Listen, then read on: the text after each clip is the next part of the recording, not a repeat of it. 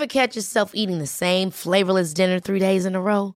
Dreaming of something better? Well, HelloFresh is your guilt-free dream come true, baby. It's me, Gigi Palmer. Let's wake up those taste buds with hot, juicy pecan-crusted chicken or garlic butter shrimp scampi. Mm. Hello Fresh. Stop dreaming of all the delicious possibilities and dig in at HelloFresh.com. Let's get this dinner party started. I'm Sandra, and I'm just the professional your small business was looking for. But you didn't hire me because you didn't use LinkedIn jobs. LinkedIn has professionals you can't find anywhere else, including those who aren't actively looking for a new job but might be open to the perfect role, like me. In a given month, over 70% of LinkedIn users don't visit other leading job sites. So if you're not looking on LinkedIn, you'll miss out on great candidates like Sandra. Start hiring professionals like a professional. Post your free job on linkedin.com/people today.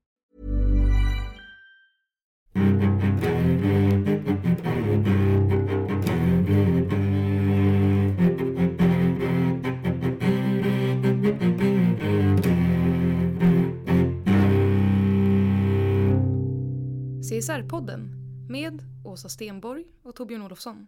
Välkomna till CSR-podden och jag ska inte berätta vad vi håller på med här därför att då säger Åsa, det där brukar du alltid säga. Så att ni som har lyssnat länge, ni vet vad vi sysslar med. Vi pratar om hållbarhetsfrågor och ansvarsfrågor och sånt där. Men det tänker jag inte tjata om då. Nej, det gör inte det.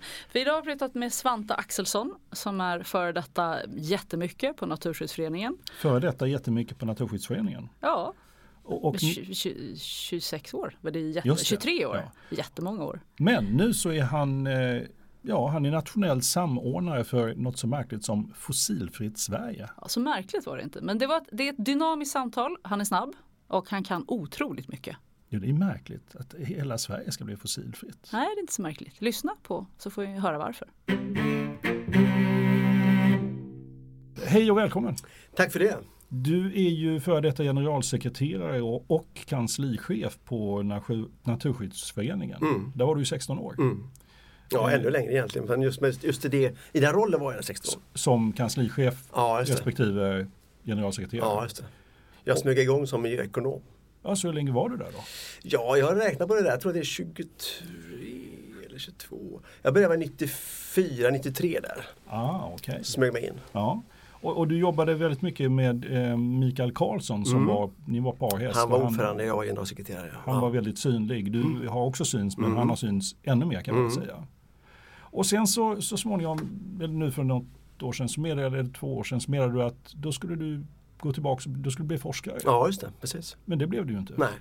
Utan du blev istället chef för något som heter Fossilfritt Sverige. Ja. V- vad- hände, Vad hände där? Ja, det var lite kul. Eh, Jag tänkte, jag hade ju faktiskt bestämt mig rätt långt innan att jag skulle sluta just i året. Men jag sa ju inte förrän det är slutet. Men eh, jag tänkte, vad ska jag göra nu då? Och då tänkte jag, men, ja, men alltså, jag är ju intresserad av varför det går så trögt när vi vet så mycket. Det har ju varit liksom en, ett slags drama, det är som en deckare egentligen. Här egentligen. Vem är det som är mördaren? Vem är det som stoppar alla idéerna? Alla vill ju så väl. Sådär. Eh, Så tänkte jag kanske fördjupa mig med- det spåret i Linköpings universitet med, som heter aktionsforskning. Som är att man egentligen djupintervjuar massa folk och får höra hur deras hjärna fungerar och vilken logik de har. Och kanske kan förstå var hindren finns i samhällsförändringen. Men så ringde de då där någon gång i juni var det väl och sa att vill inte du bli nationell samordnare för Fossilfritt Sverige? Ja, vette tusan, nu ska väl ändå jag känna mig fri och få tänka fritt och sådär. Men så frågade jag, försökte hitta bra motargument till det här jobbet. Men det var ju svårt att hitta dem för det var en väldigt stor frihet. Eh, Jag får också tillgång till till regeringskansliet på ett annat sätt än som en vanlig person- får. Jag får också kon- kontakt över Sverige och jag var ju ganska fortfarande ganska laddad i klimatfrågan. Jag vill ju öka tempot och så att det, det var svårt att säga nej till det här grönbetet eh, där jag nu får springa fri. Du, du är ju lite av en miljökändis kan man väl säga. Du, du har ju sommarpratat Mm. Ja, också om just de här frågorna. Ja, precis. och, och, eh, var det roligt att sommarprata förresten? Ja, det var nog det värsta jag gjort faktiskt. Värsta? Det värsta, Ja, ja. varför värsta? Alltså jag vet inte. Pff, Jag kommer ihåg hur stressad jag var. Alltså, det var alltså, jag är ju van med, med publik. Va? Eh, Och man får mycket energi av publik. Man får ju ögon och blickar och kroppsspråk och grejer. Va? Här satt man ju ensam i en bunker. Va? Och Och du hade lite- någon ljudtekniker och Ja, de applåderade och som- gjorde tummen upp Ja. och försökte höja stämningen där inne. Men jag kommer ihåg, jag svar, ja, det, var, det var riktigt tufft. Men som tur hade jag en ganska bra låt i början. Jag har fortfarande haft det som min favorit den här eh, Peps eh, Oh boy vilket vackert väder va. Ja. När jag hörde de här trummorna i början där. Då kände jag, åh, då kopplade jag av lite. Nej men det var det var stressigt och det var också intressant att hitta den här manuskonceptet. Tråden. Ja, och samtidigt prata fritt. Va? Men jag, jag, jag tyckte det var enormt kul och sen Jag tror att det, det tankemödan jag la ner där, det blev en bok sen eh, som heter eh, Tio hoppfulla perspektiv på klimatkrisen. Den ska Precis, vi återkomma det till. Så det där föddes egentligen Ja. på grund av sommarprogrammet. Vad häftigt. Så det är ditt råd till de som ska sommarprata är ta med dig en publik. Ja, ta med några som sitter och glittrar och bara, fans. så bara wow. Ja. Men du, du är också yngst av sex syskon, uppväxt på en bondgård i Lysekil, Mm. granne med en kyrkoherde. Och kyrkoherden förekommer faktiskt både i ditt sommarprat och i senare beskrivningar. Jaha, är, det ja. en, är det en viktig person? Ja, han var väl viktig på sitt vis. Eh, Han var en trevlig prick. Men han var väl inte rolig att han just, jag vet inte hur det kom in i, sommarprogrammet riktigt. Men han var ju aktiv i, det var mycket en kärnkraftsdebatt där i den bygden. De skulle bygga ett kärnkraftverk där, i Brodalen heter det. Och då gick ju han ut eh, och var emot det där. Och eh, jag tror att hela min uppväxt där, vad kan det ha varit, 10-15 år, var ju mycket stora industrietableringar. Eh, Preemraff eh, ligger ju där i Brofjorden. Ojnarfaderiet och sen skulle det bli tung industri med kärnkraften. Så man började undra vad, vad ska det bli av det här? Och, så det var väldigt mycket debatt och diskussion om det här. Men ehm, ja, kyrkoherden var ju en av många. Så han är inte en jätteviktig person. Nej, jag inte tänkte, nu har vi hittat någon här. Nej. Sten. Men klart, kyrkan där, jag, jag, jag, jag, jag har levt med i kyrkogården som granne i alla år. Klippt gräsmattorna där och grävt gravar och sånt där saker. Så jag har ju levt i, i, I kyrkogårdskulturen. eller kyrkans Ja, det närhet. låter Jag vet, jag vet mer- inte om det har påverkat mig så jättemycket. Men Med de döda lite. låter det mer som. Ja, men- nej, nej. Ja men det var ju kyrkogården. Ja, ja det men det är mycket levande folk på kyrkogårdarna. Det Ja. är en enormt rolig plats att vara på faktiskt. Det är mycket socialt där. Ja. Folk- Nej, men- Men, men ja, hur som helst. Så är det, det en ju en, påminnelse om liv eller död egentligen, kyrkogårdar? är det livet. Ja, just det. Precis. Nu har vi, nu har vi Absolut. fastslagit det. Just nu vill jag leva i Thomas Ledin. Och, och när mitt i allt detta med kyrkogården och, och kyrkoherden, var vaknade ditt intresse för miljöfrågorna? Det, jag har hittat på lite olika svar på den här frågan. Jag vet, jag vet inte riktigt vilket svar som är korrekt egentligen. Men du har Eh, man- att leverera ett nytt här nu. Ja, nej, men jag tror att jag är inne på det här att jag levde i en, en plats eh, där det var mycket industrietableringar. Och vi hade en familj som diskuterade ganska mycket. Pappa var bonde, ska vi spruta? Övergödning, kalka marken. Alltså man kände ju av naturens eh, problem. Men jag vet inte fasen när det var också riktigt. eh, Jag valde väl, vägvalet där gjorde jag nog typ eh, när jag hade gjort lumpen och varit på folkhögskola så där. Så kände jag, ja, men miljöfrågan är nog ganska intressant. Ja, jag- Så det var ingen, ingen stund här, där hände det utan det bara smög sig in på något sätt. Ja, för du har ju gått lite eh, aparta utbildningar Ja, kan man ju tycka. Du är agronom. Ja. Vad är det förresten? Ja, det är jordbruk. Jordbrukare. Ja. Och så är miljöekonom. Ja. Och så är du teolog också. Ja, lite grann. Kvacka lite. Ja, det- Det, det är kyrkogården där som Ja, just det. Det är spelar, spelar sitt spratt. Va? Ja, just det. Men är det, hur mycket kvacket? Nej, jag läste ett år. Okej. Eh, sen var jag faktiskt ute och provpredikade i två gånger tror jag, två somrar. Eh, det var spännande. Så min, min fråga var egentligen vad lärde du dig av att läsa teologi? Men det är kanske är det som Det- är svaret på Nej, frågan. men det man att se enormt predika. mycket på. Alltså, det var ju eh, alla olika världsreligioner och sånt. Eh, Nej, men det, ja, det var ett enormt roligt år alltså. Eh, Från att ha liksom varit agronom och lärt sig om plogar och plöjning och tekniska grejer. Då tänkte jag, nej, men det här är för andefattigt alltså. Jag måste få lite luft eh, och syre. Så då tänkte jag, ja, men teologi, där är det ändå lite högt i tak. Jo, det var det. kan man väl säga. Ja, det var det. Ja. Och det var Eh, för då, om då pratar man om etik, kyrkan. moral, värderingar. Vad är det som driver människans handlingar? Hur ser man på livet? Eh, Ja, det var riktigt kul eh, faktiskt. Och det var inom Svenska kyrkan? eller? Nej, det, teologi är ju en akademisk utbildning. Så Ja, det, okej, det så det är en kyrka. Men det är det är Uppsala du sa att universitet. var ute och Ja, sen, sen kan man då eh, om man vill koppla in sig på ett stift Ja. och test, testpredika lite. Martin, också vilja Mart- testpredika. Martin Lunnebo är Kanske ju en det. intressant biskop. Han var ju i Linköping då. Han var ju miljöengagerad biskop. Så jag tänkte det var ganska skojigt. Så jag pratade med honom och eh, fick venia som det heter då. Då får man ju tillåtelse att predika i kyrkan.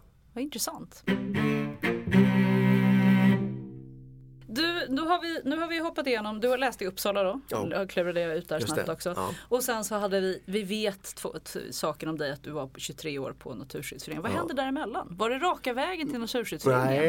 Nej, Oj, det var en massa olika saker där men eh, innan jag kom, men det var ju rätt mycket innan jag kom till universitetet i Uppsala. Ja. Men det kan vi hoppa över. Utan när jag kom dit så Är det intressant? Det, Ja. Eller ska vi hoppa över det? Det kan man hoppa över tror jag. Ja. men jag var ju jobba på, på ICA och Konsum och Coop och sådär. Andra. Men eh, att överhuvudtaget får man ganska mycket intryck. Jag är glad ändå att jag tog en ganska stökig väg fram till Mm. akademin. Ja. För det har jag nytta av nu, alltså att, att kunna prata på olika sätt mot olika målgrupper och sånt. Mm. Eh, Men sen så blev jag ju agronom och då var det jag valde ekonomi agronomispåret så att miljöekonomi är en del av agronomi. Ja, som inte är så långt ifrån. Det är inte, det är inte två Nej, olika utbildningar. Ehm, och det byggde ju på att jag ville återigen den här deckaren så att säga. Jag började som naturvetare och tänkte men vi vet ju allt om biologi nästan. Det är ju ekonomin som inte riktigt funkar. Så då drog jag mig in i miljöekonomi och nationalekonomi. Det var ju väldigt tidigt. Ja. Du, du gjorde den där vändningen väldigt tidigt. Ja, faktiskt För det det var- fanns ju inte så mycket. Nej. Igen. De tankarna, ekonomi, miljö, eh, var, måste varit väldigt nya Ja. när du, Jag tror att jag startade du sen. är banbrytare helt Ja, enkelt. lite kanske faktiskt. För jag var ju färdig agronom och då eh, fanns det en, en lärartjänst ledig. Adjunkt heter det på den tiden där.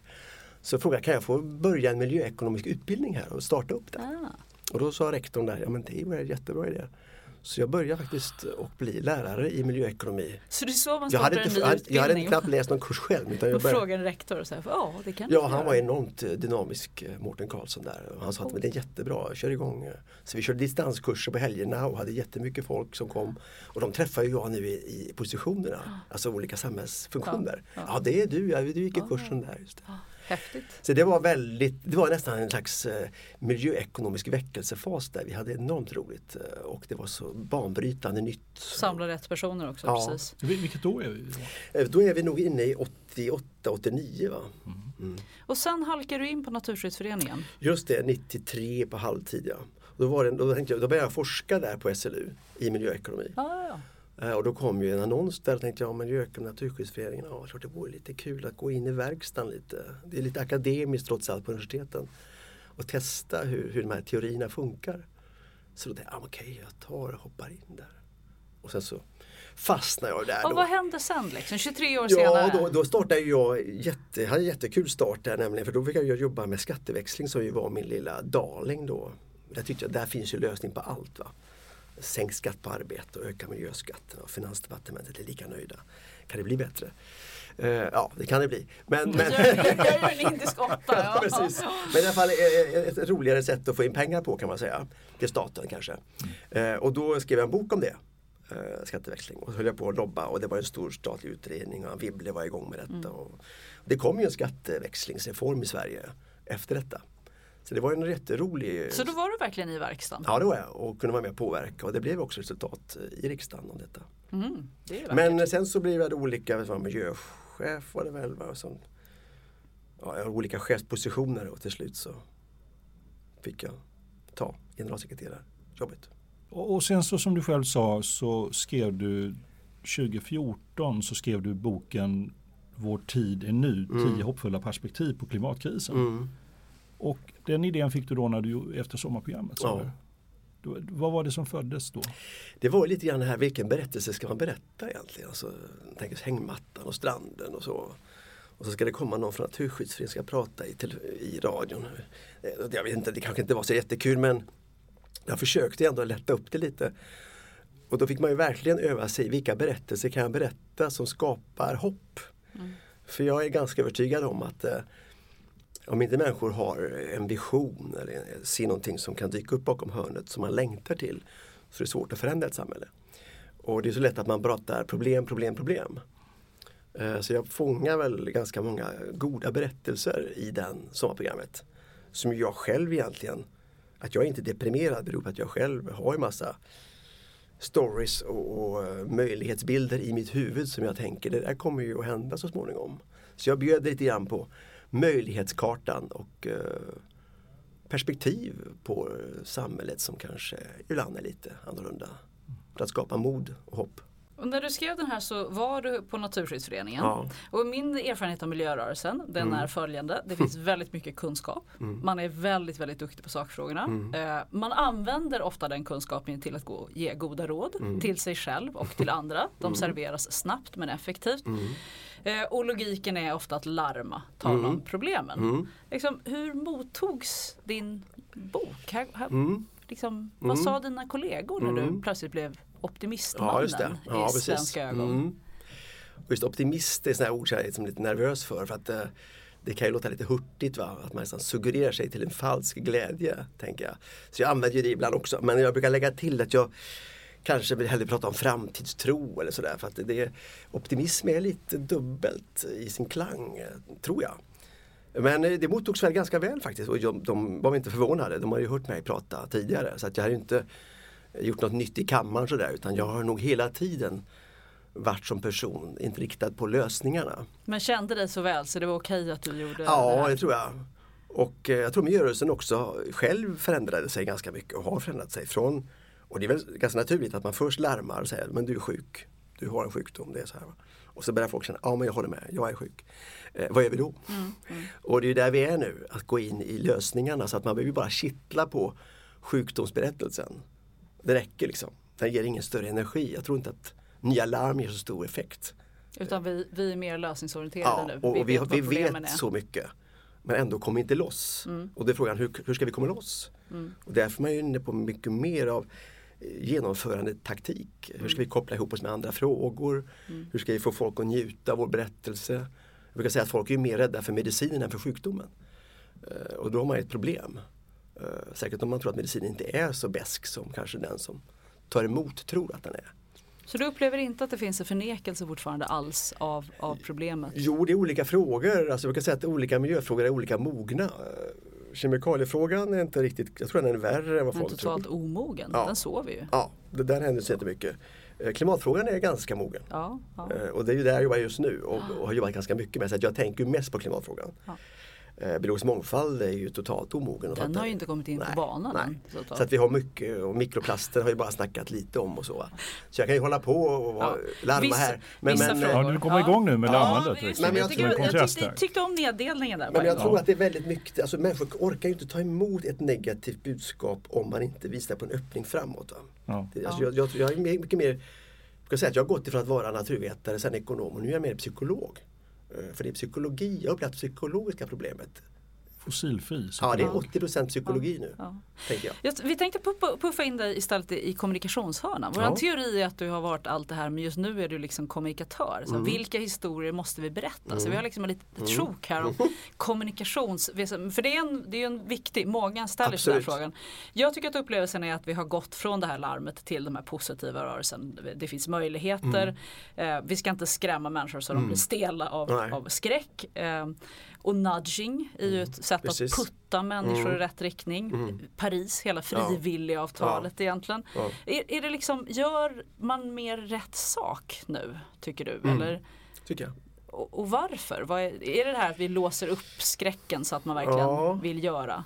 Nej, men jag tror att man har gått i väggen. Alltså Köpenhamnskollapsen som man kallar det för, klimatförhandlingen i Köpenhamn. Den byggde ju på en bördfördelningsfilosofi. Vem ska ta skiten? Vi ska dela lidande. Stänga in folk och säga, vem ska, dela, vem ska ta smärtan? Det gick ju inte, ingen ville ta skiten helt enkelt. Och Men den- skiten var ju finansiering. Det var ju det som var skiten även att egentligen. säga, så tog jag på mig en procentsats, vi ska göra 20 procent. Mm. Så tolkar Finansdepartementet det som en miljardkostnad. Alla utsläppsminskningar var ju kostnader Ja det var ju där, i ländernas kalkyler. Va? Så då blir det, jag kan säga att klimatförhandlingen var att man delar på en guldklimp. Ja, absolut. Eh, Dela, dela guldet rättvist. Ja, det går ju inte. Så den, den, den logiken gick i väggen. Och sen kom ju New Climate Economy, eh, intäktsmöjligheterna, affärsidéerna, konkurrenskraften. Och det är det som präglade Paris. Det var att man säger att ja, men jag springer före frivilligt. Va? Tyskland gör energivände, både kärnkraft och klimatpolitik. För att de njuter av det. Tysk affärsidé, grön industriell revolution. Så att det är en helt ny hjärna som snurrar nu i klimatpolitiken än den gamla hjärnan som bara snackar om kostnader. Eh, Och, och du har ju använt ett begrepp privatmoralism. Känner, känner du igen att du har använt det? Fast, fast du, du, är, du är inte så förtjust i det? Va? Nej. Nej. och Vad är, är det för det kopplat till det, det gamla eller är det? Nej, men jag tycker att man gör en björntjänst. Alltså det finns det här, man ska liksom, du ska ändra dig. va Eh, och man säger du bör ändra livsstil, uppmanande. Och då blir ju människor lite rädda, jaha måste jag ändra mig? Det låter som att det ska bli värre. Ska jag ta på mig en, en, en börda för världens skull? Du drar igång den här kostnadskalkylen i skallen på dig. Som man gjorde i Köpenhamn. Ja, lite moralkaka över det. va? Kontra att jag säger att det liv du kommer att se framför dig som är fossilfritt är ju sannolikt mer njutbart än det du lever idag. Varför då prata om att du måste, alltså den här kravmaskinen triggar igång en, en, en berättelse om uppoffring, lidande. Eh, Jag skulle egentligen vilja gå loss och använda olja. Det vore roligare men jag får inte. Så det är som barnuppfostran, man säger du måste äta glass. Va? Då säger man, "Nej, jag tror inte jag suger på glass längre när du säger så. Alltså. Nu, nu börjar du säga att jag måste äta glass. Jag tycker om glass men när du, när du säger på det sättet så blir jag lite provocerad. Och, Det, det är det du menar med ja, privatmoralism? det är det, det ena. Och det andra är att man inte ska lägga ansvaret i knät på människorna. Utan klimatfrågan är så stor fråga att det måste bli politiska reformer. Man kan Men, lägga... men måste man inte ta något ansvar då? Absolut, eh, och det gör ju folk. Eh, men återigen, jag, jag tror med att bygga på, på att få kontakt med den goda energin i din personlighet. Att inte, inte det här nyårslöftet att jag borde vara bättre människa. Eh, För det bottnar inte, det håller några veckor. Va? Men när du känner att liksom, det känns faktiskt otroligt skönt att cykla till jobbet. Just, du skulle kunna cykla till jobbet. Du skulle Ja, kunna ja. lämna bilen hemma. Tänk vad skönt, alltså, din kompis cyklar där. Och då kanske inte det är klimatfrågan som driver cyklingen. Utan det är att slippa gå på kanske svettis, hinner inte med svettis och kanske håller mig fräschare i kroppen, det är billigare. Så jag tänker att om man angriper klimatfrågan med välfärdsargument, att det är ett bättre liv vi ska ha. Då går det mycket, mycket lättare att få människor med sig. Sett ur det här perspektivet, tycker du vi pratar om rätt saker när vi pratar om klimatfrågan? Pratar vi på rätt sätt? Och med, med vi menar jag allt från massmedia, företag, föreningar, alla. Är Det börjar gå åt rätt håll tycker jag. Men fortfarande är det väldigt så att media inte minst gärna rapporterar larm och eh, elände och isbjörnar och issmältning och så. Och den, den lilla berättelsen måste finnas och underhållas. Men den skapar inte handlingskraft just nu. Den kan behövas i USA kanske hos vissa förnekare. Men vi som är relativt har accepterat problemet. Vi får inte mer motivation av den berättelsen utan snarare känner att ah, men det går åt helvete. Om man där skulle berätta att solcellspriserna sjunker varje dag du vaknar. Att eh, Kina nu lägger ner sina 86 kolkraftverk som man tänkte bygga på grund av att en förnybar energi är så billigt. Att batteripriserna sjunker snabbare än solcellerna. Att det ser väldigt lätt ut att bygga om vårt trafiksystem. Men måste de du- berättelserna skapar mycket mer, tror jag då, längtan till att, "Ah, men för helsike, vad väntar vi på? Men du måste ju ändra hela medialogiken då. För media Ja. är ju uppbyggt på Ja, larm, det på katastrofer, problemet. på Ja. död. Jag menar, det finns ingenting jag läser om mord, bråd, död, Nej. skjuten. Nej. Det är ju det som är Ja. media. Hur, Ja. hur ska vi göra det då? Ja, det där är ju Hur ska vi göra det? Ja, det är problem. Jag blir glad när public service ändå satsade på klotet här, fick dubbeltid. Eh, Klotet tycker Mm. jag är rätt duktiga på att både berätta allvaret men också framförallt lösningarna. Så det här är en typisk public service uppgift. Att eh, ska man få ett samhälle att förändras så måste folket få höra de goda möjligheterna. Och det är inte kanske Expressens löpsedel som, som, som går på det spåret men, men vi har ju ändå en, en, ett, ett public service-system som skulle kunna ta större ansvar. Mm. Samtidigt som klotet är ju fantastiskt bra men Ja. det är ett nördprogram. Ja, det är det du och jag som Ja, lyssnar. Så ja. är det två, tre till. Men, men- det är ju fantastiskt bra, otroligt. Ja. Nu gör vi lite reklam för det. Men Ja, sen, nu är vi sen, sprider klotet, det vi sig vidare klotet. tänker Ja. jag. Alltså. Ja. Och om du fick agera kommunikationsrådgivare. Vi har gjort om ditt jobb nu. Ja, och, för att driva debatten och samtalet åt, Mm. rätt, åt rätt håll. Vem, vem vad skulle du ge för råd? Och vem är det du ger det rådet till? Mm. Ja, Jag tror Stefan Löfven har ett jätteuppgift. Alltså, han, han, han och någon skulle kunna ännu tydligare artikulera det goda livet som vi ser framför oss om vi ställer om. Och göra det här till en välfärdsberättelse. Eh, jag, tycker så fort man gör klimatfrågan till en miljöfråga så, så dör den. Utan det här är sån stor fråga att den har mycket mer med hela samhällsutvecklingen att göra. Och därför är jag så glad över den här nördiga gruppen då, eh, Agenda 2030 eh, och de 17 millenniemålen eller 17 globala målen. De har ju också fattat att man måste lösa flera problem på en gång. Alltså synergieffekterna är själva affärsidén. Så fort man tänker stuprör så är det rött kryss. Och det, gäller ju, det är därför kommunerna är så alerta. Kommunerna, alltså borgmästarna, de älskar jag. För de är så kaxiga. Freiburg, Seattle, Köpenhamn, Malmö, Bogotá. Det är ju inga klimatkommuner utan det är bara schyssta städer, kommuner som vill skapa attraktiva boenden. Mindre buller, mindre luftföroreningar, en tryggare stad, mer för barnen, mer grönt område, mer kollektivtrafik. Men allt det där är en enormt effektiv klimatpolitik. Men det säljs ju inte in som klimatpolitik utan som en, en modern stad. Så att borgmästarna är ju synergiexperter. Eh, och det är intressant att klimatfrågan, alltså eh, lusten att förändra samhället är mycket radikalare ju närmare marken du kommer än du kommer upp i hierarkin. Så företagen och kommunerna upplever jag är nu på gång att se att det här är ju faktiskt jättebra för kommunens visioner och arbete och företagens kommunarbete. Där man kan se affärsidéer, man kan se effektivisering, man kan se massa bieffekter av det som idag kanske är klimatpolitik. Och vad man har lyckats med i 2030-agendan är ju att få ihop sociala aspekter ja. och miljöaspekter ja. till, att, till en egentligen kvalitet istället. Ja. Till en livskvalitet eller liknande istället. Men, men jag, nu måste jag, jag måste också vara lite gnällig för att när man pratar om den här miljö och hållbarhetsrörelsen, vi blir optimister och vi ska mm. bli kommunikationskonsulter. Mm. Vi kan inte säga så mm. här är det längre mm. och det ska nudgas och det ska mm. gullas. Jag tycker också risken är att vi faktiskt inte håller realitet i debatten. Den här sense of urgency, att verkligen vi har faktiskt väldigt, väldigt bråttom. Jag gillar ju när Mikael Karlsson är oerhört gnällig. Han är ju ett proffs på att gnälla. Och han gör det så otroligt bra. Finns det inte risk att vi bara jamsar? Att vi liksom istället för att driva beslutsfattarna mot ett ställe dit vi vet vi måste så har vi blivit lätt liksom köpta och bara sitter här och gullar istället. Känner du dig inte lite såld ibland liksom, i det där Nej, jag tänker att, att, man är narkosläkare helt enkelt. Ja, du, nu bytte du jobb igen. Okay, ja, varför är du nej, narkos? Det är balans. Alltså, du måste tänka så här hur agerar jag så att människor förändrar sig? Nej, så att människor sövs. Nej, det är ja, narkosläkare. narkosläkare kanske är då fel. Men alltså, jag menar, du måste, patienten ska ju överleva också. Alltså, du, du måste balansera dosen tänker jag. Ja, det är så okay. du tänker. Och då, alltså, du, du, måste ju larma lagom mycket. Ja. Och då tänker jag att, ja men larm återigen. Om du, om du nu får en, en kvart i Aktuellt, vad säger du då? Ja, jag tror att om jag säger det är åt helvete med det, det går dåligt med det, det går dåligt med det. Folk bara tanken är borta.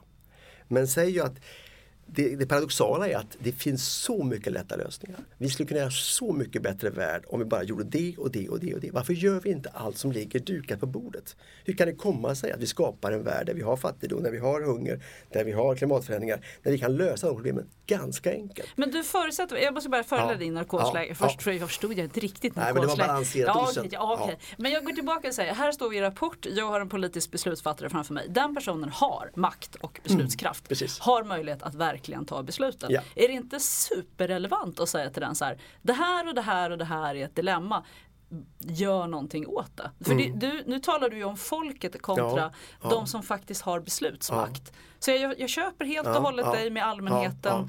Jag tycker, håller dock inte med om att alla har sitt eget ansvar. Så det, det, måste man alla måste göra någonting. Eller man kan göra det i sin Absolut. egen sfär påverkan.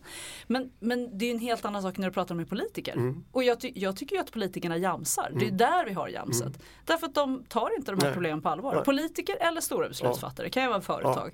Där man egentligen behöver säga ta ditt förbannade ansvar ja. och gör någonting åt det. Mm. Ska vi verkligen gulla med dem också? Nej, Blir det inte för mycket gullande? Nej, ja, jo, i vissa fall, alltså jag tycker att man ska vara jättetydlig. Men man måste fundera på varför politiker inte levererar det som de vet att de ska göra. Ja, varför gör de inte det? De har för lite opinion som stöder dem. Ja, du tänker så ja. ja. För att de vet precis vad balansakten, de är också narkosläkare. De alla politiker? Ja, alla är narkosläkare. Alla, är narkosläkare. Nej, men alla mm. balanserar. Ja. Alltså, och då tänker jag så här, jag har träffat så många politiker och de sitter mellan skål och vägg och säger så här, jag håller helt med dig. Mm. Vi är helt överens. Mm. Skatteväxlingen där, kilometerskatten där, kanske det. är Tunga eh, styrmedel. Va? Men fattar du, om jag går ut med det, vad händer då? Blir jag omvald? Men inte, det... Vilken makt får jag då? Ja, men har vi inte hamnat på pudelns kärna då? Har vi inte fel sorts politiker? För politiker måste ju våga ta ja. beslut som ja. är relevanta för samhället. Och när en politiker blir marknadskraft, mm. jag vill bara sitta kvar. Då, har vi, då har vi fel politisk debatt eller fel politiskt system. Ja, men jag menar på att politiker är att vara ledare.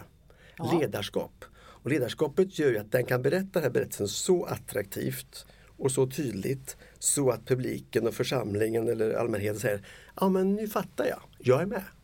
Men om du bara säger inför en sån skatt och du inte har berättat nyttan, Mm. tanken. Alltså du, kan, du gör ju självmål. Så du gör egentligen politikernas jobb? För Jag försöker, ja det gör jag med göra. miljörörelsen, så tänkte vi hela tiden i miljörörelsen. Hur ska vi så här markbereda så att politiken blir njutbar? Hur ska vi paketera och kommunicera så? Alltifrån cykelboom till eh, vi hade massa olika retoriska bilder så att det blir applåder i byarna när ministern säger X eller Y. va? Men om folk inte förstår att det här förslaget som kommer kommer att skapa ett bättre liv, då röstar man bort den personen.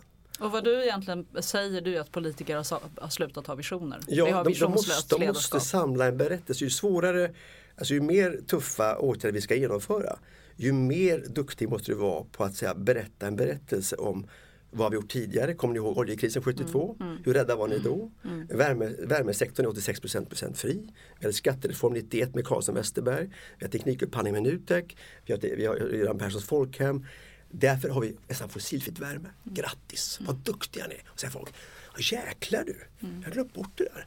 Vi är på trappa tre. Det, det är transporterna som gäller.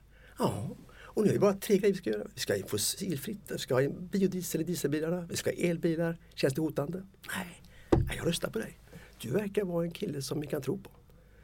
Den här berättelsen måste hela tiden finnas annars får du andra partier som gör populism och vinner makten. Och just nu är vi ju där. Nu är vi där. Nu är vi där. Så du, måste, du måste ju berätta att du har en story som gör livet bättre.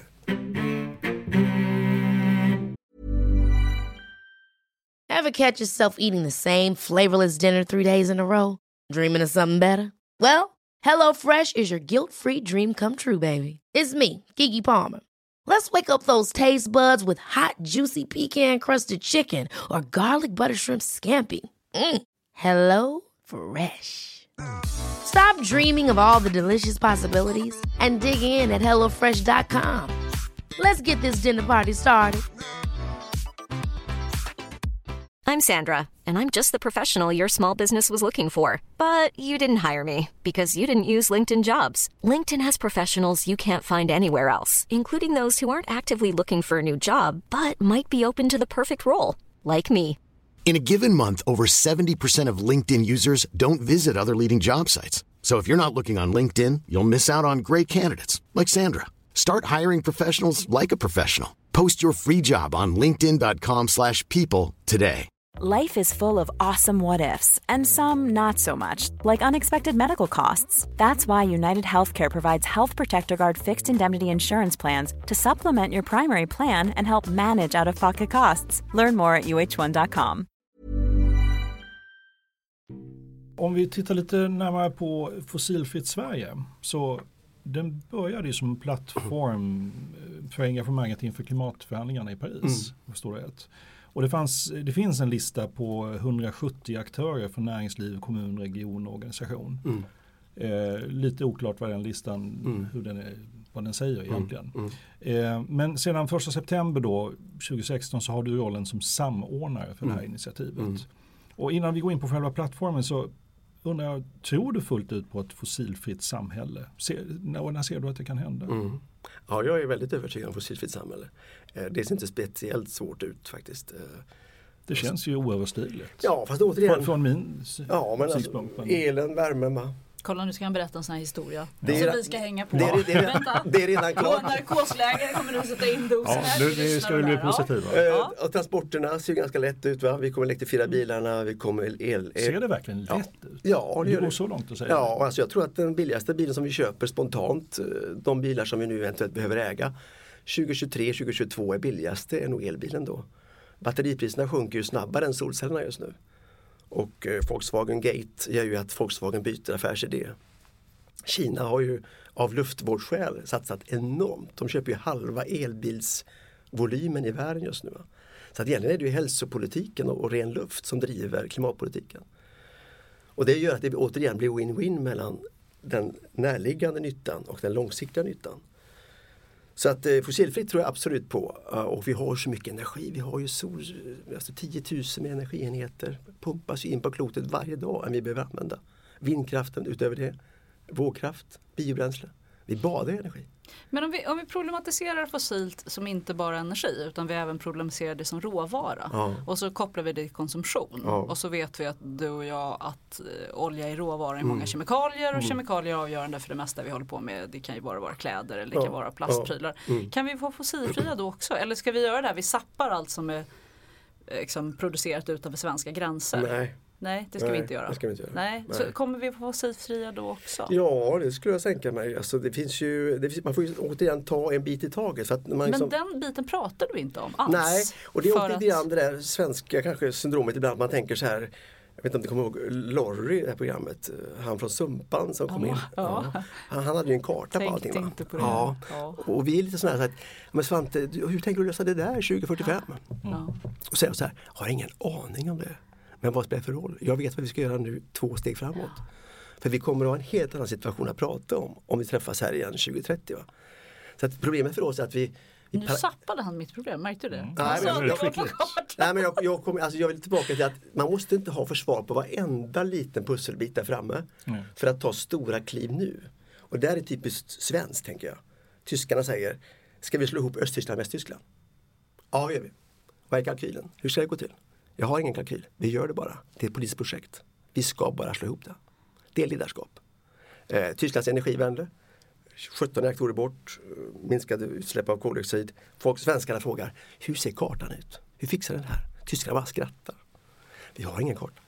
Vi löser problemet. Vi är Tyskland. Vi tror- vi, vi ingenjörer. Det var så enormt självförtroende. Ja. Vet du, jag tror inte att de löste problemet. Jag tror att de sa så här, vad ska vi sälja i framtiden? Vi ska sälja miljömedvetande. Ja, vi ska sälja Ja. miljöteknik. Ja. Och hur ska vi göra det? Jo, jag som politiker tänker skruva mina företag Precis. in att utvecklas snabbare än resten av Europa. Och så sitter vi svenskar och säger, oj vad gör de? Gud Precis. vad jobbigt. Och de är bäst. Liksom. De blir bäst därför att man utmanar dem. Där vågar de ju utmana företagen på riktigt. Precis. Så det var ju det som var kartan. Det är ju ren kortsiktig konkurrensfördel. Absolut. Så att, eh, Men poängen är att vi, de har inte har svaren. När tyska alltså energikommissionen och Sverige åkte ju ner och snackade med dem. Och de var ju chockade när de fick höra då men hur löser ni balanskraften då när allt är förnybart 2040? Då sitter ju tyskarna så här, det vet vi ju inte, men är, det löser vi när Det vi kommer vi lösa dit. då.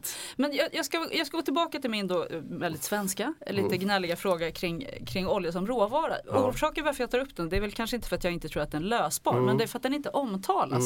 Och i klimatfrågan så har vi en hög svensk svansföring när vi säger vi har löst klimatfrågan, Mm. Ja. vi har inte så stort avtryck, Nej. det ser ganska bra ut för. Ja. Och då räknar vi inte den svenska konsumtionen som är enorm. Där är ju våran skuld, ja, och Mm, precis. nu hard fact skuld Visst, visst. egentligen mot Ja. utvecklingsvärlden. Eh, Och den adresserar vi inte, inte politiskt och inte, och jag vet varför man inte gör det för att det är svårt att kalkylera eller kalkyler måste lägga på respektive land. Men när vi inte ens liksom, i debatt pratar om det. Eh, Och, och det är ju faktiskt precis vad den där lilla individen, jag och du, kan göra. Så att vi tar ju också bort någonting som många kan engagera sig i. Eh, Och så fokuserar vi på cykeln och bilen istället för det är vårt mantra just nu. Så jag, jag säger inte att det är omöjligt förstår. men jag säger har vi inte tappat bort en Ja. bit som borde vara med som gemene man sitter och tänker varför pratar inte politikerna om konsumtion? Klimatavtrycket av mina nya möbler och mitt nya kök. Nej, det pratar vi inte om. Nej, det är bara transporten och köket i mitt hem. Det pratar vi om. Det är ju liksom, det är inte logiskt och då hänger ju inte historien ihop. Då, Vad säger narkosläkaren om det? Nej, jag håller med om det och då, då kan man in, jag, har- jag pratar faktiskt om det och pratar om att, liksom att ja, men nya kök kanske är inte den intressantaste frågan just nu utan det kanske är, enligt statusligan då så är ju faktiskt solcellerna mer eh, status än nya kök. Eh, ekokonsumtionen ökar enormt för att folk tar samhällsansvar och, och tänker att det här är bättre för naturen, miljön och hälsan. Eh, så jag tycker att man kan se den typen av resonemang men det, problemet är om man, om man rabblar på med för mycket saker som människan ska göra. Så den platsar inte på listan därför. Nej, man, måste, man måste återigen, jag brukar ha en sån här fjällvandringsmetafor. Va? Ta en stuga i taget. Eh, för att du förändras när du går. Va? Det är min erfarenhet. Alltså, jag tänker stuga fem där framme, det är flyget. Va? Hur ska du lösa flyget Svante? Jag vet inte riktigt. Eh, Det är en ganska svår fråga. Det, Men- då tänker jag så här, okej, då, då tar vi inte den nu. Utan det som ligger framför oss nu det är, får vi fossilfritt transportsystem så har vi så enormt stor effekt Men på, vad- på klimat. vad Och sen, ja, när vi kommer till den stugan, då tar vi nästa. Va? Så man kan inte Ja, skapa allt. jag håller med om det, man kan inte skapa allt Svante, men du är inte ensam i fjällen. Vi är en massa människor som Ja. går från olika delar av Ja, fjällen ja. och vissa börjar liksom Absolut. med, alltså, så jag menar, det är ju, den här agendan måste ju vara bred nog för att var och en ska kunna säga okej, du pratar om fem saker, den där en saken, Ja. den är min, den är min. Men om du inte ens tar med dem, utan det är Svantes agenda som är ute och går, Nej, då blir det helt irrelevant för mig. precis. Så, så jag, jag måste nog påpeka att det är ett helt gäng i fjällen. Så. Och då brukar jag fråga, vad är din väg? Ja, och då, För- och då är för- problemet för- att konsumtionen är Ja. inte med i din väg. Och du Jo, ska nu liksom, det är den. är den det? Ja. Ja. men återigen om jag börjar säga vilken väg som gäller då moraliserar jag vad du ska göra. Men om man säger så här, jag vill göra klimatåtgärder säger du. Fine säger jag. Vad är du för person? ja, men det köper jag. Hur ska du börja? Men- För, för jag börjar då säga, basunera ut att det är det här du ska göra. Nej, men det behöver du inte göra. Nej, men då är det däremot- kanske som du basunerar ut så det kanske inte är just den grejen man ska börja med. Ja, samtidigt som jag tänker när, ni, när man nu på riksnivå, Fossilfritt Sverige, Mm. talar om det här är de tre sakerna vi ska satsa på. Så sitter jag och läser listan och tänker oj vänta det här är faktiskt ett väldigt stort område som saknas. Mm. Som väldigt, väldigt många ändå är berörda av. Vi har hela, Mm. handels, liksom, hela handelssystemet som är berörda av det. Ja, de är ju också beroende av transporter, absolut, Mm. men vi måste titta på en annan sorts konsumtion. Du, om ditt budskap går ut till Ikea idag så säger de bra, vi ska fixa vår logistik. Ja, det är de jättebra på redan. Deras stora elefant ja, okej, men en stor elefant i deras rum är, är liksom konsumtionsmönster Ja, ja, också. precis. Så jag är, inte, jag är inte ute efter att vi ska överbelasta Mm. men jag är ute efter att vi måste ta fram de relevanta också. Mm. Och idag i politisk sfär så är inte konsumtionen med. Mm. Och det gör folk förvirrade. För att alla förstår logiskt Mm. att och är du inte logisk historia då, tar du, då hugger du inte mig heller. Nej men jag håller med. Alltså, och jag tycker nog att jag, palmoljan tjatar ju om till förbannelse. Eh, och det är ju en väldigt allvarlig eh, konsumentprodukt som påverkar regnskogsskövlingen. Där finns i trafiken, där finns i livsmedel. Eh, men det jag är ute efter att också från miljörörelsens perspektiv så väljer man ju att man kan inte ha för många frågor igång samtidigt. Eh, för folk nappar inte då utan tror jag, då kampanjar man ju på en grej så att den lyfter, så att folk fattar den produkten. Och när man gör den handlingen så går man vidare till nästa handling. Så att ekokonsumtionen är ju det som man nu har boostat länge. Och jag menar på att jag tror att värderingen kommer efter handlingen, inte före handlingen. Man köper elbilen före värderingen, man köper solcellerna före värderingen, man köper eko före du ändrar värderingar. Så att de här livsstilsvärderingar och värderingsförändringarna de är en följd av din konsumtion. Det är min hypotes och det är inte bara min, det är Nej, det är många som hypotes, att vi belägger efteråt istället Så för då är man inne på att okej, kan, jag få, kan jag få en kampanj runt den här produkten? Då får jag en väldigt stor aktivitet där människor faktiskt gör skillnad och sen är den avbockad. Sen tar man nästa produkt. Men börjar nämna för många aktiviteter som man kan göra, då är risken att man inte får napp någonstans. Ja, men det, jag köper förenklingen absolut. Ja. Sen, men sen är ju frågan om du är miljörörelsen nu. Därför att Nej, miljörörelsen jag kan göra en miljörörelsen nu. taktisk. Nej, nej. Men, jag, men det är ju samma, taktisk- alltså alla har ju lite samma uppgift nu att berätta en berättelse där människor engagerar sig och, och gör saker. Har jag också den uppgiften då? Ja, det tror jag. Då, då, ja, förlåt, nu är jag så distraherad också. Och då ska jag, måste, jag måste ändå flika in någonting. Det är ju roligt att du och jag berättar historien om ekohandel som egentligen sticker iväg. Och nu har äntligen folk börjat röra på sig från en väldigt låg nivå. Ja. Den största produkten är fortfarande kryddan. Ja. Och de som har stuckit iväg mest, det är Systembolaget Ja. med vin och sprit. Jättebra. Ja, men det är väl inte hälsoskäl då? Alltså jag, vet, jag bara, Nej. jag bara, Nej, men det- bara det är så- stirrar. det är så jag händer- vet, vi ska inte berätta din historia. Det som bara. händer är ju att du får så många människor som blir bärare av ett annat samhällsmodell. Ja, ja, ja, det var bara en liten detalj. Jag kunde inte låta bli. Vi, Förlåt, vi håller det här i, tillbaka. i det här rummet. Ja, exakt. Ingen annan hör det här Ingen, samtalet. ingen annan får Ja. höra det här.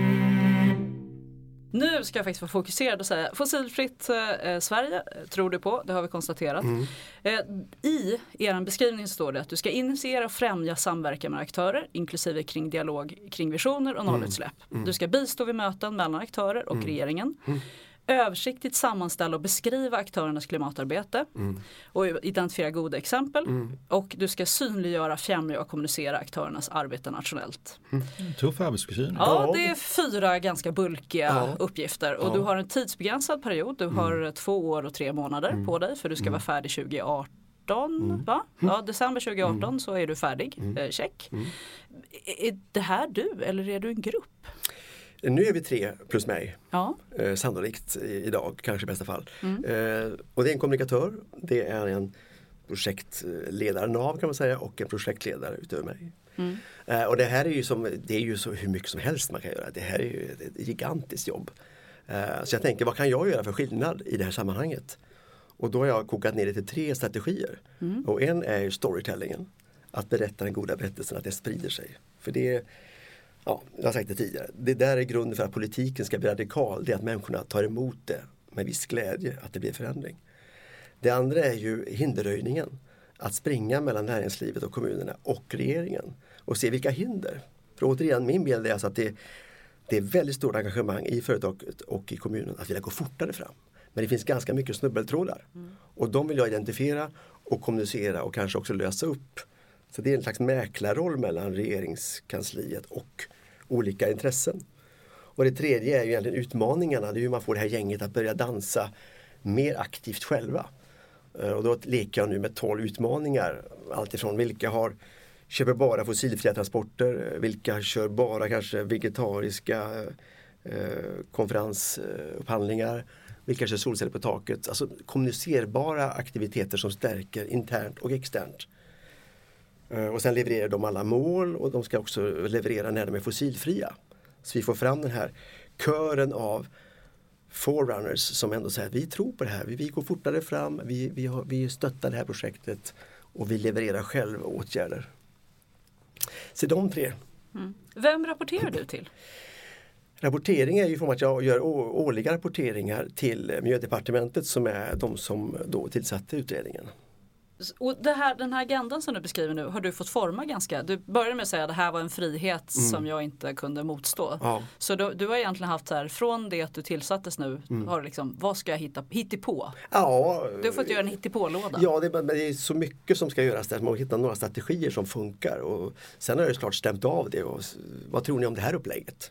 Och det får jag accept för att det Mm. Och vem stämmer av det med? Ja, då är det ju en kontaktperson egentligen som formellt finns på Miljödepartementet. Sen pratar jag med olika ministrar och jag är ganska transparent i hur jag tänker och jobbar också mot de här 220 som nu är med i Fossilfritt Sverige. Vad tror ni om det här arbetssättet? Det är någonting som ni tycker verkar spännande? Det, det där är intressant. Om, om vi dyker ner lite i det uppdraget. Vad, om man tittar på vilka är aktörerna? Alltså finns det en målgrupp, tydlig målgrupp? Får jag testa lite olika målgrupper? Om jag, är ett stort, om jag är ett medelstort industriföretag i Småland, hur kommer jag märka det här du sysslar med då? Ja, frågan är varför ska du gå med är väl frågan. Alltså, varför ska jag gå med i det här nätverket? Eh, tycker jag man ska ställa sig då. Och då säger jag att ja, men du får ett antal seminarier, du får kontakt med, med politiker, du kan påverka dina problem som du har som företagare kan du eh, artikulera och kanske också få ett bättre lyssnande på. Jag kan hjälpa till att underlätta de hinder som du har. Eh, och du kan sprida dina goda berättelser om dina goda handlingar så att ditt företag också får ett bättre ja, renommé utifrån de bra grejer ni gör. Mm, så det är skälet varför jag ska gå med om jag är ett medel, mellanstort industriföretag. Ja. Om jag är forskare då? Ja, forskare är ju eh, då är det kanske man funderar på vad är, vad är nyttan där? Då tänker jag då, då kanske man vill visa att man stöttar eh, det här nationella projektet. Att bli, egentligen ligger ju det bakom då att bli världens första fossilfria välfärdsnation. Sen så kanske jag skulle säga att då kan man ju bidra med sin kunskap. Man kanske forskar på någonting som har bäring på de här företagens verksamhet. Man kanske kan eh, påverka sin egen forskning utifrån det man hör i det här samtalet på de här konferenserna, på de här workshopsen som man kan vara med på. Men det är inte lika lätt att motivera kanske forskarna som, som företaget. Eh, om jag är del av CSR-världen, du- är ju hos Mm. CSR-podden Ja. nu och, och, och jag vet rätt mycket om hållbarhet redan. Mm. Vad, vad, hur påverkas jag då? Återigen, det är ju en, det är en plattform som man kan liksom utnyttja på olika sätt. Och, eh, eftersom jag jobbar mycket med Agenda 2030 perspektiv, att inte jobba med klimatfrågan isolerat utan tänka i andra vägar in. Så blir ett enormt lärande i den här gruppen. Så att det blir en tvärsektoriell liksom, lärprocess. Och vi tillsätter ju också temagrupper där man kommer från olika perspektiv. Så att, jag tror nyttan är att man kan visa på väldigt olika sätt att ta sig fram och kanske också framförallt hitta de här synergieffekterna. eh, hur man kan liksom dela på notan på ett bättre sätt när man ska exempelvis bli fossilfri. Mm. Lundin Oil, Ja, de har ju en ganska ohållbar affärsidé eh, på sikt. Eh, och det är som Saudiarabien, alltså de måste väl fundera på hur ska jag placera mina nya investeringar så att jag blir ett företag även efter 2040 och 2050. Och det är intressant, som en parentes, så stod idag faktiskt att Saudiarabien investerar ju enormt mycket i förnybar energi just nu. Eh, Sen en uppgift också i, i din roll är att du ska bistå vid möten med regeringen. Vil- Vilket är ditt drömmöte som du skulle vilja arrangera? Jag har haft några sådana där. Du har redan haft dem? Ja, men några stycken. Alltså. Det är lite här då att försöka lösa. Nu är det ju en jätteintressant fråga hur man ska få in biodiesel och biobensin utan att öka konsumtionen av palmolja och restprodukter av palmoljan. Mm. Och det här är ju enormt svårt och få in investeringar i Sverige som bioraffinaderier istället. Och då, då brukar jag samla, jag brukar, jag har gjort det några gånger nu, samla typ Lantmännen, eh, skogsnäringen och andra och höra deras vilja och deras problem. Och diskutera med tjänstemän hur man kan formulera ett, ett förslag så man får det här bästa av två världar kan man säga. Så det är problemfokuserade samtal? Ja, det är lös, problem, lösa, alltså problem, alltså, alltså, att man samlas kring en utmaning? Ja, det, är, det, ofta är det ju mm. väldigt mycket regler och djävulen sitter i detaljerna. Va? Hur ska man lägga ett, ett lagförslag så att det verkligen blir som man har tänkt? Ja. Du ska ju också sammanställa hur man arbetar och du ska berätta om det. Hur, hur har du tänkt dig att det ska gå till? Ja, där vet jag inte om man ska lägga så mycket krut på det. Hur man, utan jag kommer ju att rapportera hur jag har jobbat och vilka möten jag haft och så. Men det här är ju inte någon det är inte produkten som är intressant utan det är processen. Mm. Eh, så det här är ju inte något utrednings... Det är inte slutrapporten Nej, som är intressant? Nej, den kommer inte vara en kioskvältare. Nej, okay. Eh, utan det, är ju, det intressanta är ju vilka processer har startats. Mm. Så om, om jag och vi nu har en lyssnare som säger så här, oh det här låter otroligt spännande. Mm. Jag tillhör någon av de här grupperna, framförallt Lundin Oil. Vi tror att vi har många lyssnare där. Ja. Eller någon från CSR-världen, ja. Då är alltså, man ska skriva upp sig i nätverket. Då kan ja. man vara del och det ska vara ett öppet nätverk så alla som vill får komma in. Mm. Är det, är det, har jag tänkt? Jag har en liten gräns att de måste rapportera att man har ett klimatmål. Ja. Eh, de måste ha koll på klimatutsläppen. Ja. Och de bör skriva när de ungefär tror att de ska vara fossilfria. Så Åsa Stenborg som här som har ett SL-kort. Ja. Jag skulle kunna skriva upp Jag tror det. Ja. Firmans SL-kort. Ja, bilar också. Ja, men det gör jag ju privat. Ja. I mitt jobb. Alltså, min firma har ett SL-kort. Ja, men det, det, är inte jättehöga trösklar men ändå någon slags liksom, ordning och reda får det vara och ambitionsviljan måste finnas. Mm. Uh, men sen är inte det här ett elitprojekt utan detta är tvärtom ett väldigt stort Bredd. projekt med mycket, många aktörer ska vara, ska vara med. Mm. För det är många utsläpp som ska bort. Och är det, är det då alla verkligen välkomna? Liksom? Ja. Och, och hur får, Om man nu kan leverera de här baskraven. Ja, ja, vi, vi säger att vi kan leverera baskraven. Ja. Och, och, här är vi lite dilemma för att eh, de som borde vara med, mm. det är mm. de som inte brukar vara med. Eller förstår du vad jag menar? Mm. Alltså de som redan är med. Vi har mm. Haga-initiativet. De har visat upp allt. De ja, ja. är grymt bra. Ingen ja. jäkel kommer utmana Nej. dem för de är så himla bra. Ja. Så att, eh, men det, det är ju de som inte är med där mm. som borde vara med. Hur mm. får, men de är med här också. De kommer med där också. Ja, de är Stora Enso med, SSAB med, ABB med, Volvo med, Scania mm. med. Mm. Och vad är målet? Fossilfrihet. Total fossilfrihet. Ja. Och vad kommer du hinna leverera på två år? Om vi inte det, för vi pratar mycket om metoderna mm. nu. Vi mm. pratar väldigt mycket om metoderna mm. och vi ska ha tillit till processen. Mm. Jag känner igen mig. Mm. Men vad är effekten? Ja, effekten är jag vill att, ha kilo. Ja, jag har inte satt upp alla mål än men jag tänker just, jag håller på att initiera, att få igång eh, branschvisa eh, färdplaner. Mm. Eh, för Järnkontoret, för LRF, för mm. Eh, sjöfarten. Att de alla själva kommer igång och målar den här fossilfria framtiden. Så att de blir ägare av att det faktiskt är möjligt. Och de har rätt mycket framme mm. redan. De har väldigt mycket framme ja. redan. Och det är frågan, hur implementerar man det då? Mm. då kan, den här visionen tror vi på, okej. Okay. men blir den av spontant? Nej, okej. Okay. Vad behövs då för styrmedel? Vad behövs det för regelverk? Hur ska den här visionen bli verklighet? Så att, återigen, vi är ju rätt långt framme i Sverige så vi har mycket implementerings eh, arbete. Hur, hur, får man till ett genomförande som folk accepterar? Och vilka flygskatter tycker folk är mysiga och vilka kilometerskatter är okej okay för att få det här att snurra.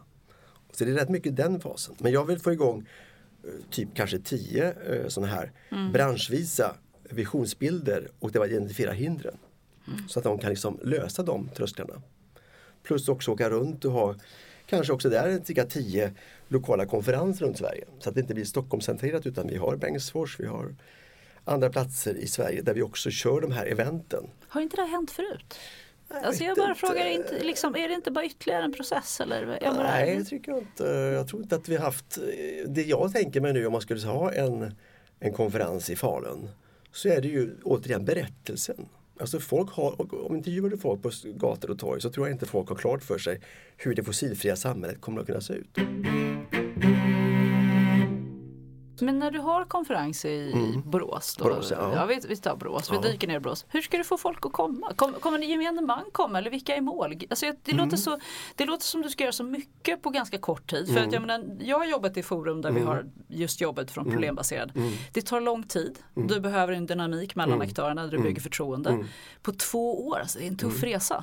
Eh, du har väldigt få resurser och du har liksom alla sektorer. Och det låter men det är inte jag som gör jobbet. Nej men det blir, det blir så här, herregud nu har, nu har politikerna nu liksom. Nej inte du, nej inte du. Men det är så här, men blir det ytterligare ett så här skattefinansierat Ja, Nej. förstår du? Har inte du den oron överhuvudtaget? Nej. Du är helt rent framme. Jag, jag känner mig väldigt tacksam att Svante inte har den oron. Nej, men, då, då här, alltså det känns som du skulle inte ha jobbet. Nej, men han, har ingen, han känner inte att han är sjuk. Nej, okay. han är ju narkosläkare. Alltså, Nej, men om, om man säger så här, det handlar om en samhällsanalys i botten. Va? Eh, och jag tänker, vad är, vad är problemet just nu? Och problemet är ju mycket att människor inte accepterar den politik som är nödvändig. För att de är rädda för att livet blir sämre om den politiken genomförs. Därför händer inget i EU, händer inget i USA, händer inget i Sverige. Jo, i Sverige händer en del. Men det ska gå mycket fortare. Mm, mm. Alltså det, återigen, Martin Luther King sa ju I have a dream. Han sa inte I have a problem. Mm. Alltså hur ska man få människor att ändra sig? Du måste visionera, du måste visa på hur det kommer att bli. För säger du förändring, då osäkrar folk revolvern. Förändring, det är hotfullt. Va? Men om du tänker, så här kommer du att få det. Okej, okay, jag är med. Och människor vet inte hur de kommer att få det. Och därför säger de inte ja till de reformer som är nödvändiga. Så vi måste få en acceptans och en glädje i att nu vill vi ha de här förändringarna för vi fattar att livet blir bättre. Och då måste man berätta den berättelsen överallt.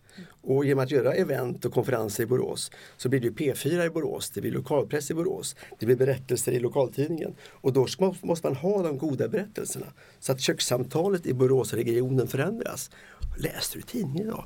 Vi kan ju faktiskt eh, göra det här i Borås, eller vi har gjort det här i Borås. Eller, eh, de goda berättelserna sprider sig enormt bra om de visar på att det finns ett bättre liv så småningom. Och därför är de här solcellsberättelserna eller elbilsberättelserna eller vad man nu tar upp enormt viktiga. För det är de som skapar modet att säga ja till en tuffare politik. Vet du, jag, jag har en teori, jag har, måste bara testa den här teorin. Det här är ju bara ett samtal ja, mellan oss tre. Det ja, finns inga andra som lyssnar i det här rummet överhuvudtaget.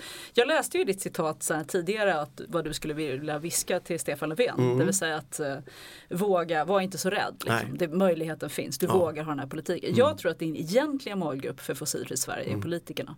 Jag tror att du är på väg att försöka ge dem råg i ryggen att ta politiska beslut som egentligen bara är helt självklara. Mm. Så det ärliga svaret på frågan, vad är din målgrupp? Det är politikerna.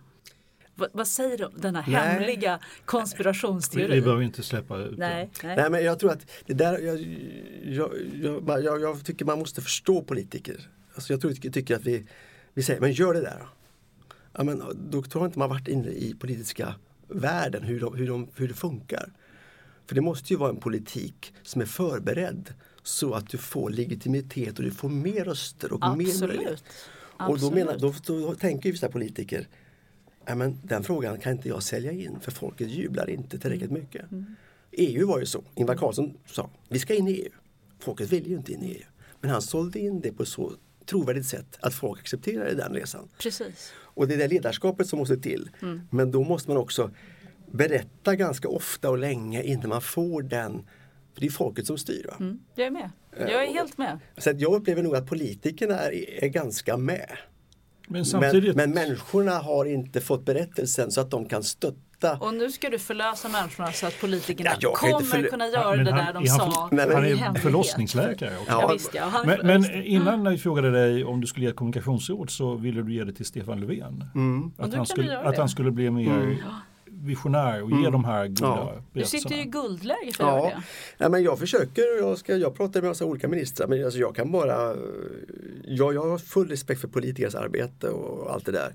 Men jag tycker personligen att det finns så mycket mer att berätta som är spännande. Jag tänker på typ tre industriprojekt som jag tycker alla borde känna till. Att vi är på väg att skapa världens första fossilfria stålindustri. Enormt intressant. Snacka om föregångsland.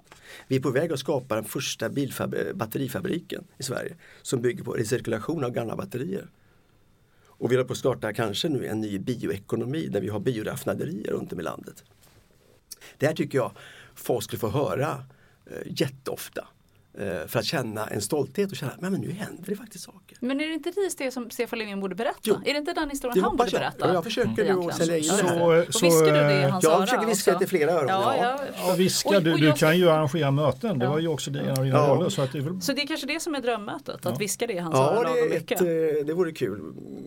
Mm, Absolut. Och sen ska, vi- sen ska vi nog säga, jag tror inte heller att jag, jag har respekt för politiker och jag tror Ja. inte att vi har dåliga politiker. Vi har de politiker som vi har ja. och som vi till del förtjänar. Ja. Och jag tror också att vi måste prata om det politiska systemet. För att jag tror att vi har demokrati, det har vi sagt Mm. Ja. förut, demokrati i kris egentligen. Så, så att, och där, det är så att vi har goda människor som inte funkar i systemet Mm. också. Så då har vi ett, ytterligare ett problem vi skulle kunna vara visionära kring. Mm. Men det kan vi strunta i också just idag. Okej, då har vi kommit fram till eh, december 2018. Ja. Eh, och, och vad skulle du vilja se när du vänder dig om och tittar tillbaka? Ja, men först vill jag alltså tona ner min egen roll. Jag är katalysator, alltså jag kan påskynda processer. Jag, jag kan inte skapa så mycket själv. Utan jag kan liksom göda in eh, en viss marginalnytta kan man säga som ekonom man kan lägga till. Men, men de, den, jag har inte makten att göra de stora förändringarna. Eh, men jag skulle drömma om att de processer som vi startar, för att poängen med det vi gör är ju att ett initiativ från mig ska ju skapa många människors aktiv arbete. Alltså jag igång en bransch att måla sin egen framtid. Då har jag satt igång många hjärnor som kommer att tänka så här även när jag har slutat. Eh, får jag igång de här tio eventen och får in lite mer känsloargument och lite mer känsla, inte bara intellekt i den här frågan. Då är det många människor som berörs i de regionerna där de här eventen har skapats. Mycket handlingar görs, mycket löften görs. Eh, och sen är det ju den politiska agendan, då är det väl, det finns det ju ofta en, en färdplan, vilken politik som ligger och väntar på att bli genomförd. Och de kan ju falla eller inte falla. Vi har kilometerskatten, vi har bonus malus och vi har olika saker. Och där hoppas väl jag då att man ska kunna hjälpa till att de här viktiga reformerna blir genomförda. Ja, om vi vänder oss åt andra hållet och tittar på 2019 och 2020, vad ser du fram emot då? Det är då det börjar hända eh, ännu mer saker, framförallt tänker jag på trafiken eftersom jag har fokus på den. Eh, Då, då ser vi att vi, i min värld så får vi igång ett, ett antal bioraffinaderier som är en viktig del när vi nu har så mycket bensin och dieselbilar. Vi måste ju snabbt ändra utsläppen. Och då kan vi inte byta alla bilar så snabbt utan vi måste ju byta bränsle först. Eh, och sen ser jag elektrifieringen som ett enormt viktigt spår. Och då tror jag att vi kommer att se att vi har folkbilar som är elbilar från Volvo, Toyota, Volkswagen. Eh, och vi kommer att få se, tror jag, system där vi inte äger så mycket bilar i framtiden. Städerna utvecklas på ett annat sätt. Ehm, ehm, ja, men det jag ser. Och jag hoppas att framtidstron växer. För det är det som är det största hotet just nu. Och vad gör du då? Vad är din Vad roll? gör jag Ja 2018? exakt, vad Nej, gör det är ingen du? aning om. 2019-20. Det, Det var det, vet liksom, jag, det var det du tänkte? Nej, det vet jag inte. Jag har väl slutat då på det här jobbet. Och, Ja. eh, Men jag har ett val till dig. Ja. Så nu ska vi låtsas att vi är i framtiden. För Okej. både du och jag lever i framtiden. Ja. Alltså, och det gör du. Torbjörn, vill du stiga in i framtiden? Ja, jag sitter här och lyssnar. Ja, vi jag gillar ju bilden av en hållbar värld. Så Mm. nu ska vi prata om hållbar. Nej, på vägen till. Eh, Fokus Åsa. Eh, 2018 kommer du få ett val. Antingen kommer du få bli minister, miljöminister eller infrastrukturminister. Eller så kommer du få bli styrelseordförande på Volvo. Vilket väljer du? vilken regering har vi då? Det,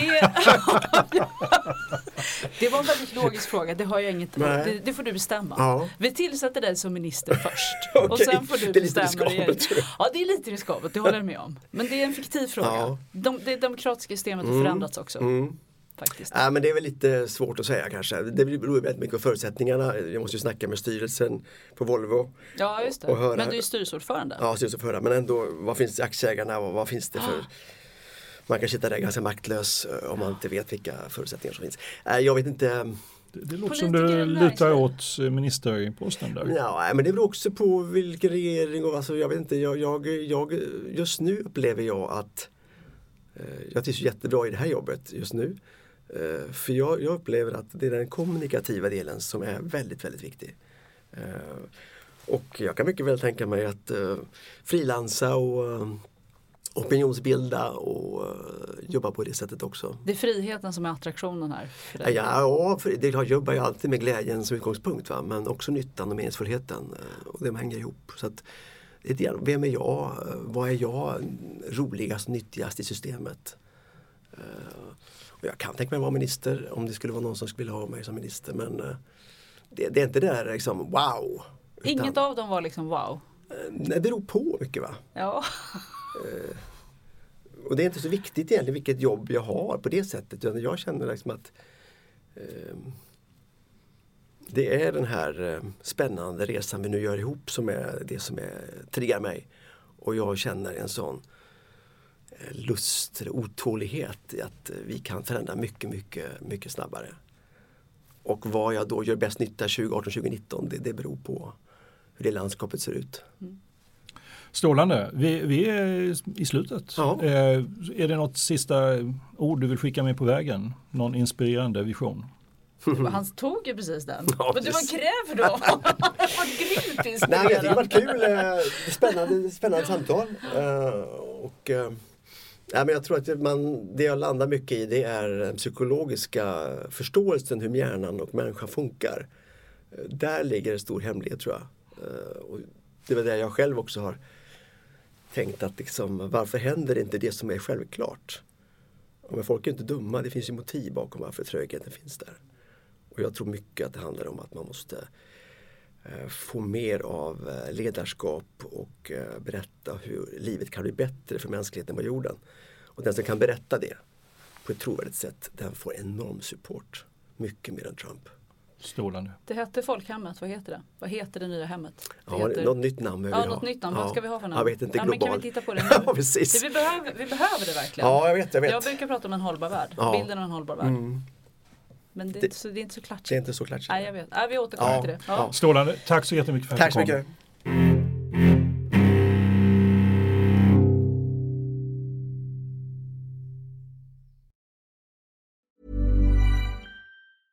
Have catch yourself eating the same flavorless dinner three days in a row? Dreaming of something better? Well, hello fresh is your guilt free dream come true baby. It's me, Gigi Palmer. Let's wake up those taste buds with hot, juicy pecan crusted chicken or garlic butter shrimp scampi. Mm. Hello Fresh.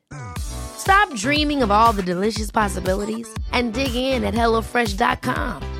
Let's get this dinner party started. Planning for your next trip? Elevate your travel style with Quince. Quince has all the jet setting essentials you'll want for your next getaway, like European linen premium luggage options, buttery soft Italian leather bags, and so much more. And is all priced at 50 to 80% less than similar brands. Plus, Quince only works with factories that use safe and ethical manufacturing practices.